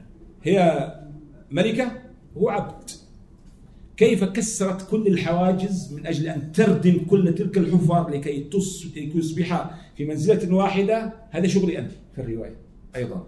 الرواية يجب أن أن يقدم ذلك للقارئ بطريقة طبعا آه، فنية آه، تقنية مو بس يعني يحكيها حكي. فرق بين الإخبار والمشهد طبعا. فهذه آه، الشخصية تعاطفت معها. أكثر واحدة حزنت لأجلها مع إن أنا اللي خليت القارئ يحزن. قد يكون قد يكون الذي قلت عنها هذه الشخصيه ليس حقيقيا أو ليس ليس من تجده لا في كتاب تاريخ ولا في تفسير ولا في عهد قديم ولا عهد جديد ولا القران الكريم ولا غيره ولا حتى أي كتاب آخر. اللي هو آه الذي اشتراه آه ليس من مصر الذي اشتراه من فلسطين. في عندنا شاريان بالمناسبة كثيرون فكروا شاري واحد. وعندنا بيعان وعندنا ثمنان وعندنا مكانان مختلفين. الناس فكروا إنه بيع واحد لا بيعان. الذي اشتراه من إخوته. إنه آه، غره المال كمان. دخلت لاعماق النفس البشرية. ويوسف مهد له ذلك. قال له أنت بيعني أنا أساوي ثمني ذهبا. أنا بدي أفيدك. تخيل يوسف يقول بيعني بما يساوي وزني ذهبا لعزيز مصر. كان بده يقول له أنا راح أصير هناك صاير هذا أمر الله. كأن الله أوحى إليه. بس أنا قاعد أدلك على الطريقة اللي توصلني فيها إلى إلى ذلك القصر بس بأحسن قيمة. فدفع فدفع فيه ثمنه ذهبا والمذكور في القرآن الثمن الأول الدراهم المعدودة بس الثمن الثاني وزنه ذهبا. السبب أنتم متخيلين ملك مصر يشتري عبدا بدراهم معدودة؟ هذا واحد في السوق يشتري بدراهم معدودة ملك يشتري بدراهم معدودة؟ هذا أحد الردود اللي بيقولوا لي لا أنت خربت التاريخ وخربت التفسير وخربت في ملك بيشتري بدراهم معدودة؟ مستحيل. حتى يظهر أمام الناس كلها في السوق قال وزنوا ذهب وجيبوه. زينوه ذهب. آه ف فقال له أنا سأباع وس... ما قالوش لسان الحال. أنا سأباع وسأصير إلى آه، قصر آه، عزيز مصر بس خذ استفيد. فاستفاد. فأخذ المال. هذا الجزء هذا خيالي من عندي. المال بدا يتبخر. هو ماشي يتساقط عن حصانه. بعدين دخل الصحراء فقال بس وعمي وغشيت عيناه وصار يقول كلهم بالمناسبة زليخة وأبوه وأحد إخواته روبين وعزيز مصر وقطفير لباع اسمه قطفير. والذي دخلوا معه في السجن كلهم قالوا نفس العبارة وأسف على يوسف. فصار يقول وأسف على يوسف. أنا مجنون أبيع نبيا. فهاي النقطة اللي حزنت أنا عليها. حتى أبي عندما قرأ الرواية حزن على هذه الشخصية. ليش هيك خليته؟ ما كان شيء. لا مو لازم أنا أعذب القارئ معي أصلا. وقد عذبتنا فعلا في كل شخصية استنطقتها خلال هذه أو خلال هذا الكتاب. والآن ننتقل لكتاب آخر كتاب اسمه أحمد. لماذا أحمد الدقامسة تحديدا؟ يعني الكل يعرف أنه ذلك الأردني. الذي قتل سبع إسرائيليات على ما أظن. لكن في الرواية كانت هناك تفاصيل أخرى وقد ظهر بمظهر آخر. لماذا هذه الشخصية تحديدا دون غيرها؟ الشخصية ليس لذاتها الشخصية للفكرة التي تحملها اللي هي بوصات المقاومة. أنا يعني أردت لأنه أنا عشت الجيل القديم كان يرى الصلح مع اليهود خيانة. بعدين شوي شوي صار لا مش خيانة وجهة نظر. بعدين شوي شوي صار عادي. الآن نحن نعيش في زمن أن الصلح مع اليهود عادي مش بس الدول التي صالحت اللي هي الأردن بلدي ولا مصر ولا مين الدولة الثالثة فلسطين نفسها. في وقفة نعم. في وقفة اليوم في الأردن. نعم. اي نعم. رئيس الوزراء. اي صحيح. ف آه، ليس هذه الدول لأن الدول كلها العربية تهرول وان شاء الله بس آه، نجلس نحن أنتم أيها الإسرائيليون. هو هذه الرواية لتقول أن المحتل محتل وأن القاتل قاتل وأن الذي اغتصب آه، النساء وقتل الأطفال وشرد الناس هو هو لن يتغير لن تغيره الأزمنة ولن تغيره الطاولات ولن تغيره التكنولوجيا ولن تغيره الورود ولن تغيره الكلمات المعسولة. فهي إعادة لبساط المقاومة التي تربينا عليها والتي صارت غير واضحة الآن في هذا الجيل. على أساس أوقف أنا اتجاه البوصله بالاتجاه الصحيح لمن يأتي بعدي من الأجيال لأنه أنا كاتب مغير أيضا. يعني عندي غاية. مكتوش من أجل أن ادغدغ العواطف فقط. عندي رسالة أيضا أريد أن أوصلها بس باسلوبي فهذه فكرة اسمه أحمد. ليس لأحمد نفسه مع أنه يعني بطل في نظري. طبعا بطل. لكن للفكرة التي يحملها أحمد اللي هي المقاومة وأن المقاومة سوف تبقى وأنه لا تصالح كما قال أمل دنقل ولو منحوك الذهب ترى حين افقع عينيك ثم أثبت مكانهما جوهرتين. أكنت ترى؟ هي أشياء لا تشترى أحمد شاب حمل حلما كبيرا. شاب شهد على اغتساب أرضه ووطنه. وأحمد موجود في كل واحد منا. فما الذي تقوله لكل شخص يرى اغتصاب أرضه بين بين بين عينيه بطريقة أو بأخرى؟ أقول له الظلم لا يدوم. الطغاة آه، سيكنسهم التاريخ. العدل على العدل قامت السماوات والأرض. آه، الصبر هو الطريق إلى النهايات الجميلة. قد يحدث ما تريد من أمنيات التحرير والوحدة والعدل والحرية في حياتك وقد يحدث بعد حياتك. لكن كن أنت البذرة كن أنت الساقي إذا لم تكن البذرة كن أول السقاة. وبالتالي لا تيأس. اليأس كفر. إنه لا ييأس من روح الله إلا القوم الكافرون. من أحمد إلى إياد ومن أكثر من أكثر الأجوبة التي ظلت راسخة في ذهني هو حين سألتك عن رواية ويسمعون حسيسها. حدثنا أكثر عن تجربة كتابة هذا الكتاب عن إياد عن 17 سنة من السجن. آه، يسمعون حسيسة هي الرواية الثانية في الترتيب 12 رواية. التي كتبتها وهي تتحدث عن إياد أسعد في سجن تدمر. وسجن تدمر هو من أبشع السجون العربية إذا لم تكن من أبشع السجون العالمية. على الأقل في العصر الحديث. نحن نقول في التاريخ أبشع السجون إيش هي؟ أو أبشع آلات أو أدوات التعذيب أي أي طريقة تعذيب آه؟ التي اخترعها من؟ في التاريخ. سوريا في تدمر يعني حالة سجن تدمر في العصر الحديث. لكن في التاريخ أبشع طرق التعذيب. نعم. وين بد وين يعني كيف؟ بدي تاريخ بدي فترة بدي زمن بدي دولة بدي كذا. محاكم التفتيش اللي في الأندلس بعد سقوطها. وستستغربون أنهم أن النصارى كانوا يعذبون النصارى. واحد من طرق تعذيبهم مثلا ما وصل التعذيب عندنا في بلادنا العربية مع بشاعته المطلقة إلى هذا الحد. أنه كان يوضع في كفن من الحجارة السجين. آه، يعني ليس زنزانة. آه، يمدد في كفن بس حجري. قبر حجري. ويغلق من فوق بغطاء. آه، طبعا هذا الغطاء مليء بالحراب. طبعا هذه الحراب موجودة في الغطاء طبعا بينزل حجري. عليك. ثقله بينزل مع الحراب. بس الحراب محطوطة في أمكنة مدروسة بعناية طبيا بحيث لا تصل إلى الأماكن المميتة التي تميتك في لحظات. هي لا تضرب القلب ولا تضرب العنق. تضرب أماكن تجعلك تموت تدريجيا. فهي من وسائل التعريف مثلا في محاكم التفتيش. غير طبعا استخدموا استفادوا منه المستعمر الفرنسي عندكم في بلادكم.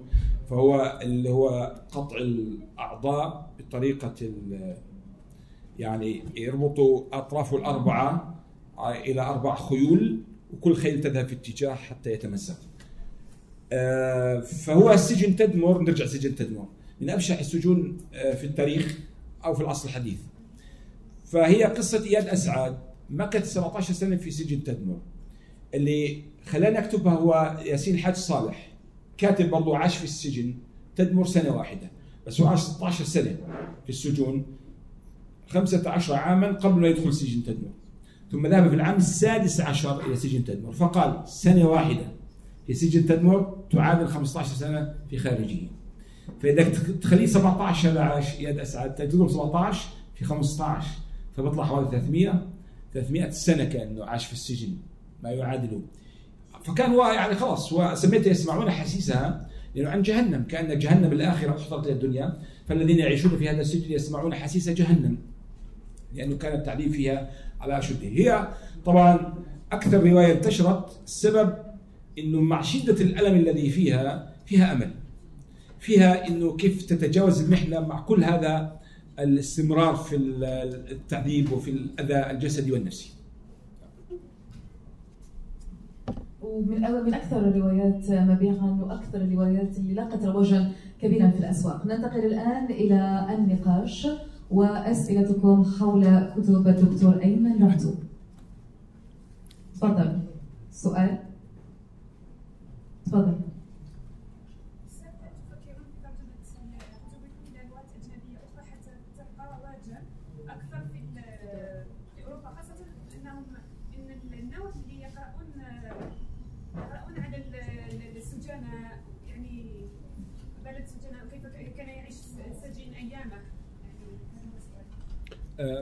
نعم هو في الحقيقة عدم السجون ليس منتشرا في الغرب. يعني ليس مكتوب فيه كثيرا آه، في الغرب. في روسيا طبعا لأنه روسيا علمت العرب أدوات التعليم أصلا. ما حدث في سجن تدمر هو شيوعي يعني أسلوب أسلوب الشيوعي القادم من روسيا. لكن مهتمين تماما بفكرة الحرية. وبالتالي كل شيء في أدب السجون ممكن ينتشر عندهم. أنا أسعى إلى ذلك لكن المشكلة انك أنت بدك آه، زي ما وجدت وكيل أو دار نشر عربية نشرت كتبك أن تجد دار نشر أجنبية. إذا يعني وجدت ذلك فذلك فضل كبير من الله. لكني لم أجد حتى الان أو لم تتبناني دار نشر أجنبية. هذه الدار نشر افترض أن تكون مقتنعة بكتاباتك بكون عندها دائما يعني مترجمين خبراء باللغة العربية فيمكن تقدم له النص فيقتنعون به. أما أنا عن عن عن ذاتي الشخصية فأنا أسعى إلى ذلك وأتمنى ذلك. آه، صار في ترجمات لكن ليست على آه، مستوى كبير يعني ترجمت مثلا يسمعون حسيسها إلى العبرية وبدأ بترجمتها إلى الفرنسية لكن توقفت. ذائقة الموت ترجمت إلى الإنجليزية بس على على مستوى بسيط. آه، يا صاحبي السجن ترجمت إلى ال ال ال الألبانية وانتشرت عندهم برضو لأنها في عنده أيضا بسبب الشيوعية أيضا عندهم سجناء صار عندهم آه، يعني آه، هذا شيء فانتشرت عندهم يا صاحب السجن لكن ترجماتي ما زالت وئيدة أو في مهدها وإن شاء الله تعالى أتمنى أنه في المستقبل ينفتح هذا الباب أمامي إن شاء الله. ان شاء الله تفضل. السلام ورحمة الله.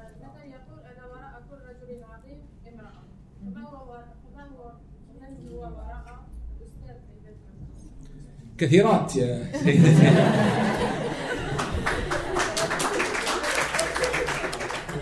اولا نبدأ بالوسط بعدين نروح على الأطراف. في الوسط إنه أنا كنت مهتم بدأت شاعرا قبل أن أصبح روائيا. فكنت مهتم إني أنا أثبت للمرأة التي أحبها ولم تحبني طبعا آه، أنني شاعر جيد. وبالتالي كنت آه، ألقي القصائد في المناسبات وكذا. ومع كل المحاولات المستميتة لاسترعاء انتباهها لكنني أيضا فشلت في ذلك. فكانت امرأة عظيمة لأنها يعني فشلي في أن نفسه إلى الأنثى بأبهى صوره من أجل مع كلهن رفضنا رفضنا ولذلك تزوجت متأخرا يعني. آه الدرجة الأولى في الحقيقة والدتي مع أنها ليست متعلمة. شو هذا؟ قهوة ولا شاي؟ قهوة جيب لي قهوة نعم.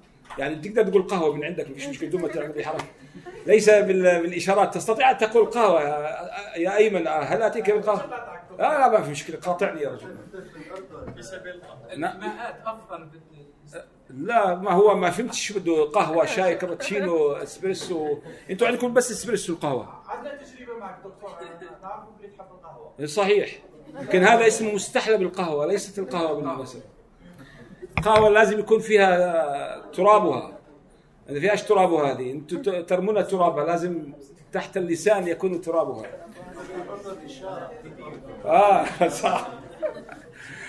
طيب إذا فتيات الجامعة آه، صنع صنعنا شيئا.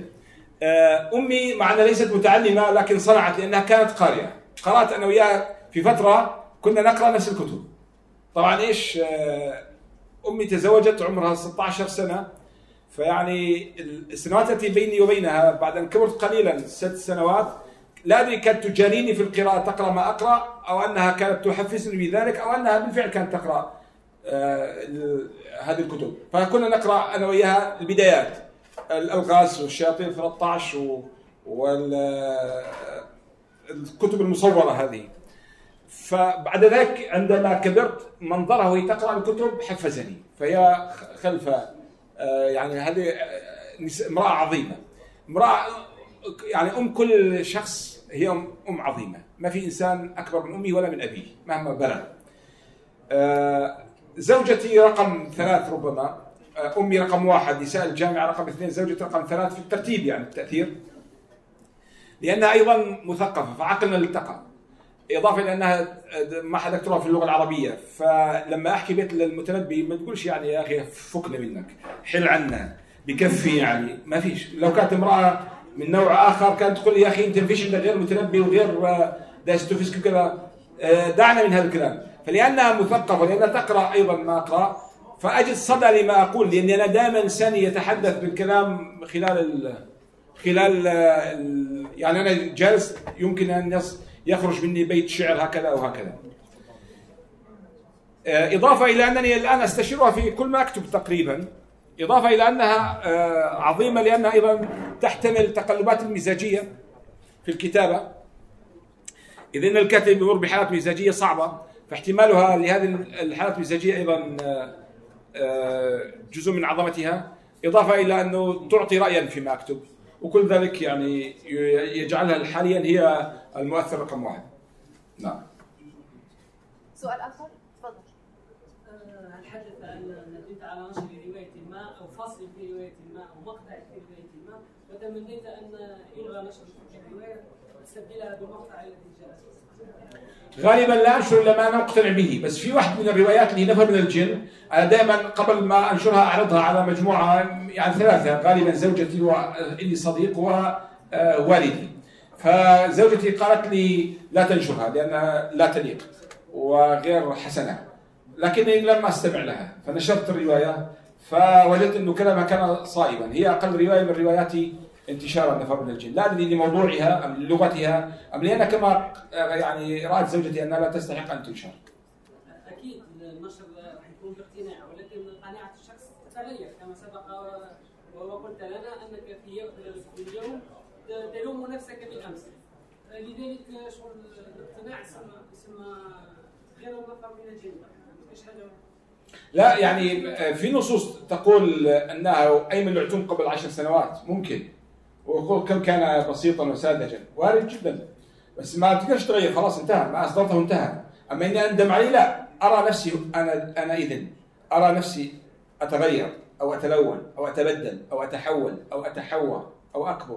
أو اصغر متى استقام حساب النساء. نعم؟ متى استقام حساب النساء؟ آه. متى استقام؟ حساب النساء. آه متى استقام مع النساء حسابه. آه. عند- عندما أقرأ النصوص التي كتبتها قبل عام أو في بعض الأحيان ارى أرى أنني كنت افضل أفضل من ال- من من الان ما ينصح. إذا أنت لم تعد تقرأ جيدا أو كثيرا أو لم تعد تتدبر ولا تتأمل ولا ترى ولا يرافقك الكتاب تقرأ؟ كنت لا اقرا كنت لا تقرأ؟ عجيب أنت معناته في مشكلة. ممكن تكون لما أقرأ لما هل كنت محبا؟ هل كنت عاشقا أنا إذن؟ والآن لم تعد عاشقا؟ كنت عاشقا؟ هذه المشكلة. العاطفة إذن. عاطفة النص القديم قوية ومتوهجة. الآن لا عاطفة باردة العاطفة. نعم. شفت كيف أثر النساء؟ تفضلي.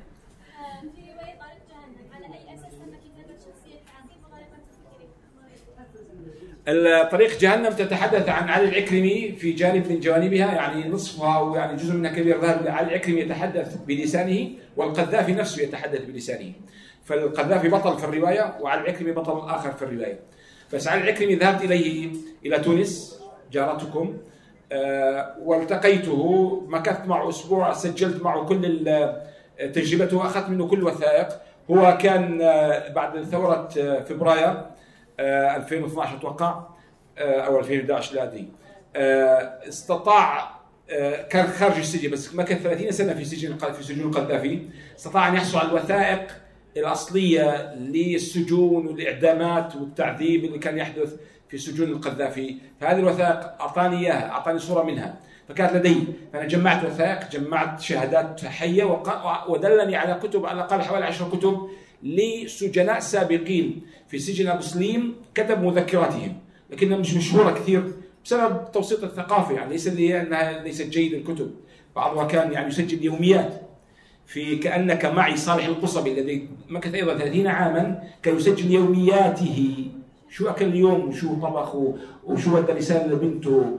وكانوا يسموه المسيح لأنه كان يعني رحيم بكل الناس سواء الشيوعيين الإسلاميين البعثيين القوميين التحرير كل الطوائف اللي كانت موجودة في سجن مسلم آنئذ فهذه ظروف كتابة آه، طريق جهنم.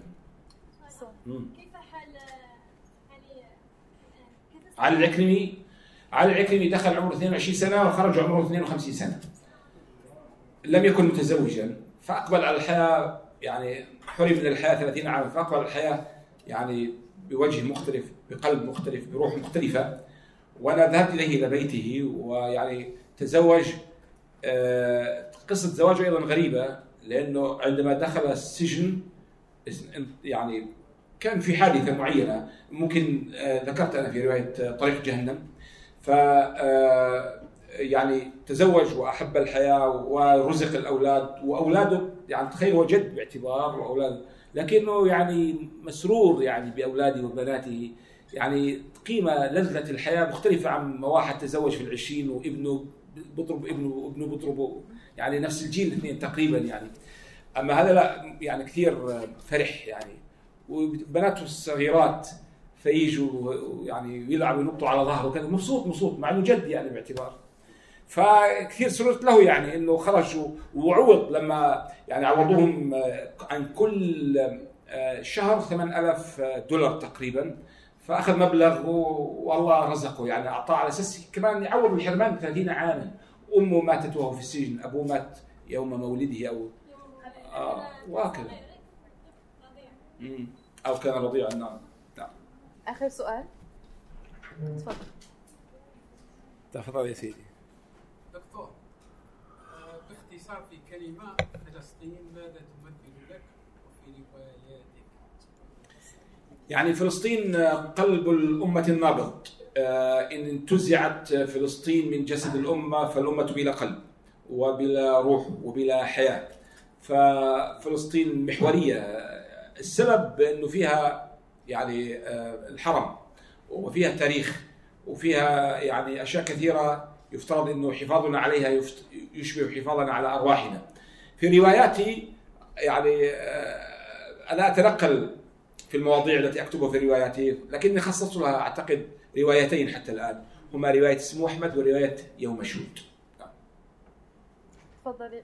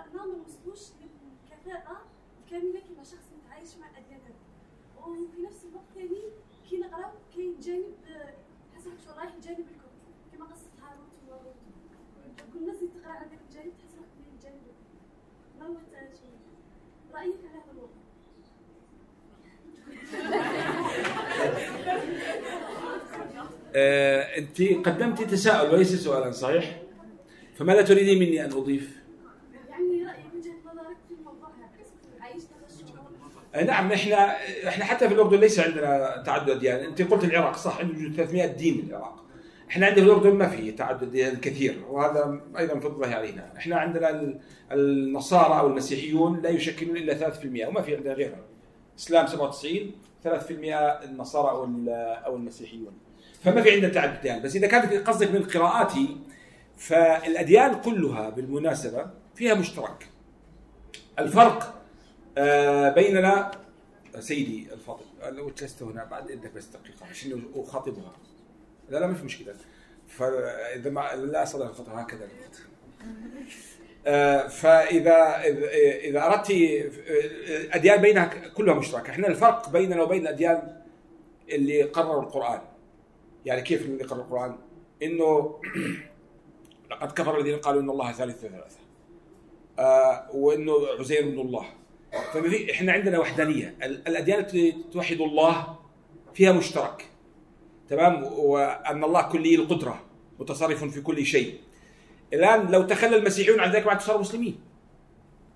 الأشياء الأخرى اللي هي في العقيدة يعني سهل جدا آه، يقتنعوا بها. هي الفكرة إنه إيش؟ الإله الواحد. الإله الكلي القدرة آه، هي المشكلة ما بيننا وبين العقائد الأخرى. فإذا انتفت هذه وصار الناس يعبدون إلها واحدا فهو ما جاء به الرسل كلهم أن يعبدوا إلها واحدا. هلا الإسلام صار في شكل عبادته لله الواحد في مظاهر معينة. هذه المظاهر سهل الآخرون أن يطبقوها لأنه هي اسمها صلاة بس مختلفة. فبما أنك تؤمن بالله الواحد هذه صلاة الله الواحد. هي اسمه صوم عند كل الناس. بس بما أنك تؤمن بالله الواحد فالله الواحد قرر هذا الصوم. هي المشكلة في أن نؤمن بالله الواحد. فأعتقد إنه لو الأديان كان عندها أو أي دين عنده هذا الشيء ممكن يكون فيه نقاط تلاقي. لا أدري إن كنت علقت تعليقا صحيحا على ما أردت أو ذهبت مذاهب أخرى. لا لا علاقتي جانب آخر. هو جانب القراءة يعني كما قلت قصه هاروت وماروت شغل تحب آه، ربي سبحانه قال آه، اقرأ. نعم. تحبوا تعمقوا نقرا أكثر. لا لا انت انت لا تحكم على الناس ولا تحكم على الاديان هذا السؤال في القراءة. سؤال القراءة أن تقرا بفتح بعقل مفتوح وبقلب مفتوح دون أن تطلق أحكاما على الناس. أنت عندك عقيدتك الصافية التي تؤمنين بها هي أرضية صلبة. الآن آه، قراءة في الأديان الأخرى ما فيه مشكلة بس ما بتضلني ولا بتضيع ليش تضيعني ما أنا آه، عندي ديني وعندي ثقافتي. ثقافتي هي الأرضية التي لن آه، أتزحزح يعني لن تضل أو تزل قدماي فوقها تمام؟ فالقراءة في الأديان الأخرى يفترض ان يكون موجود حتى نعرف. يعني أصلا حتى تستطيع أن تناقش الآخر أنت تعرف دين الآخر. أنا بالنسبة لي تعمقت قليلا في المسيحية لأنني اردت أن أكتب رواية عن المسيح وكتبت جزئين منها لكن توقفت بعد ذلك. آه شيئا ما عن اليهودية. قرات بتعمق أيضا الكتاب المقدس. آه وفي هناك عبارات متشابهة جدا مع القرآن متشابهة.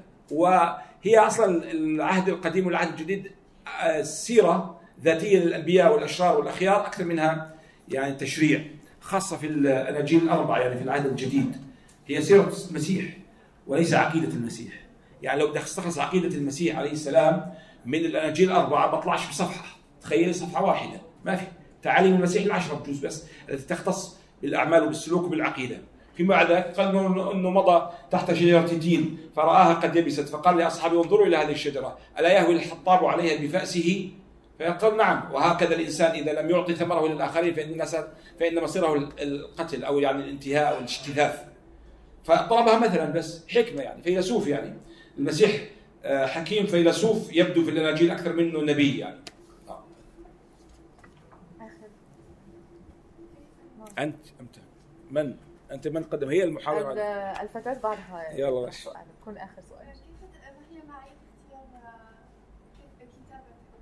يعني كيف تختار الموضوع الذي ساكت فيه.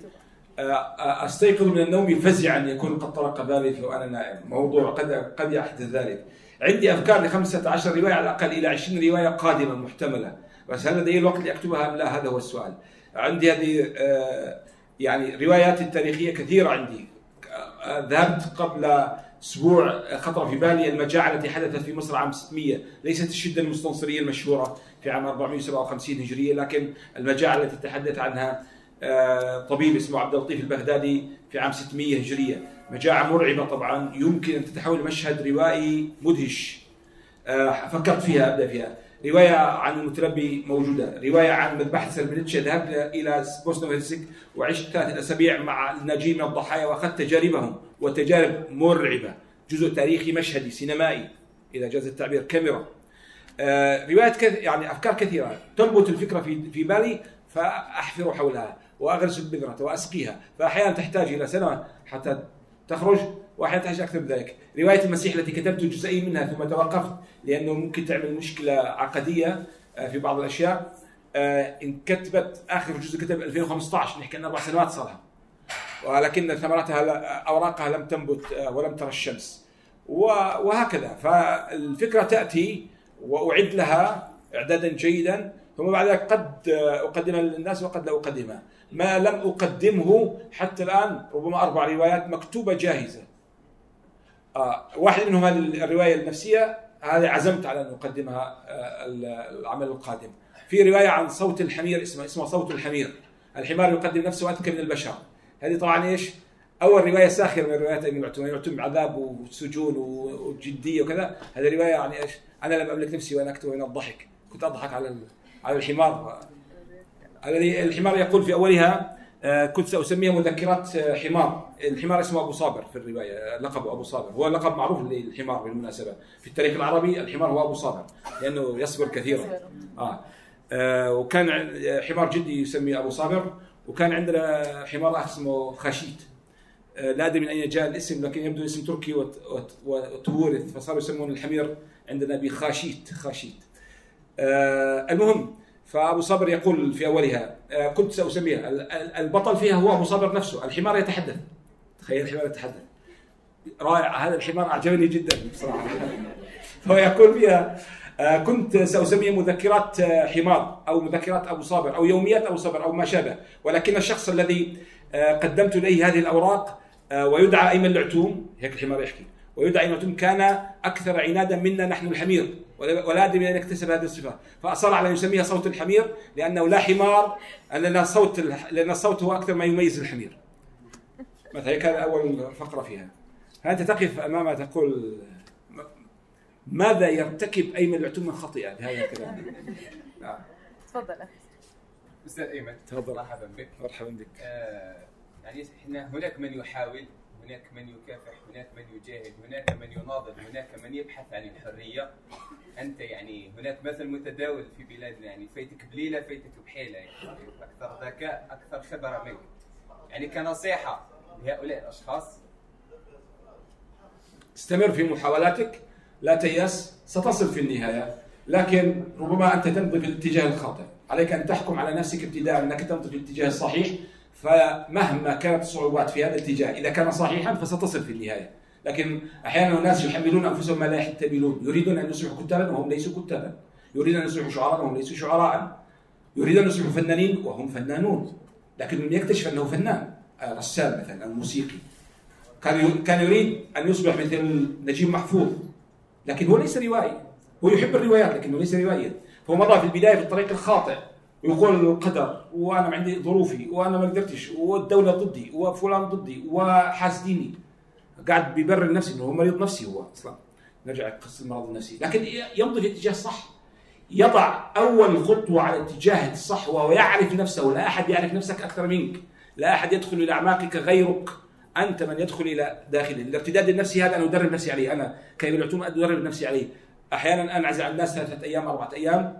أذهب إلى جبل نحن بلادنا جبلية مثلكم وأنت بس جبالكم شاهقة أكثر ما شاء الله. فأذهب إلى اعلى الجبل وأعتزل الناس يومين ثلاثة فقط لكي أعرف من أنا. أنا حتى الآن لا أعرف من أنا يعني. في أشياء كثيرة في حياتي جزء ما اندم على أني فعلتها ارتكبتها بحماقة.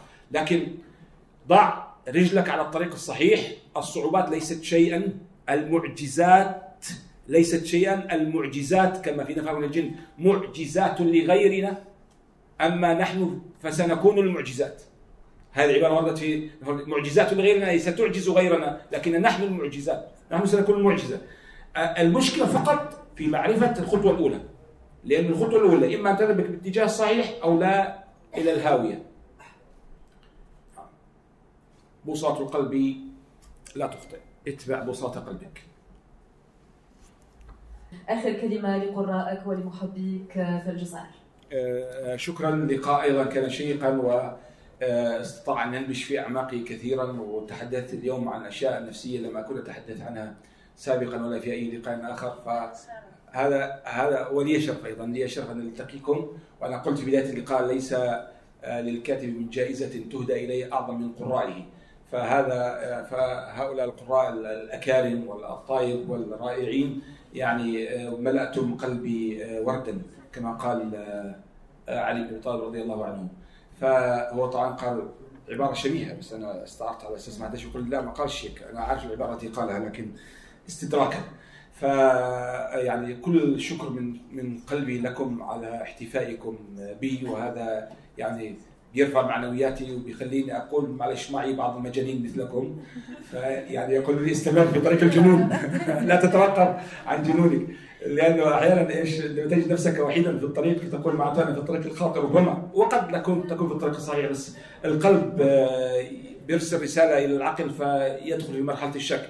أنا اليوم آه، أتمنى اني دخلت مرحلة اليقين معكم آه، وأستمر بكم بقرائي الأحبة. الله يكرمكم. شكرا جزيلا. ولكم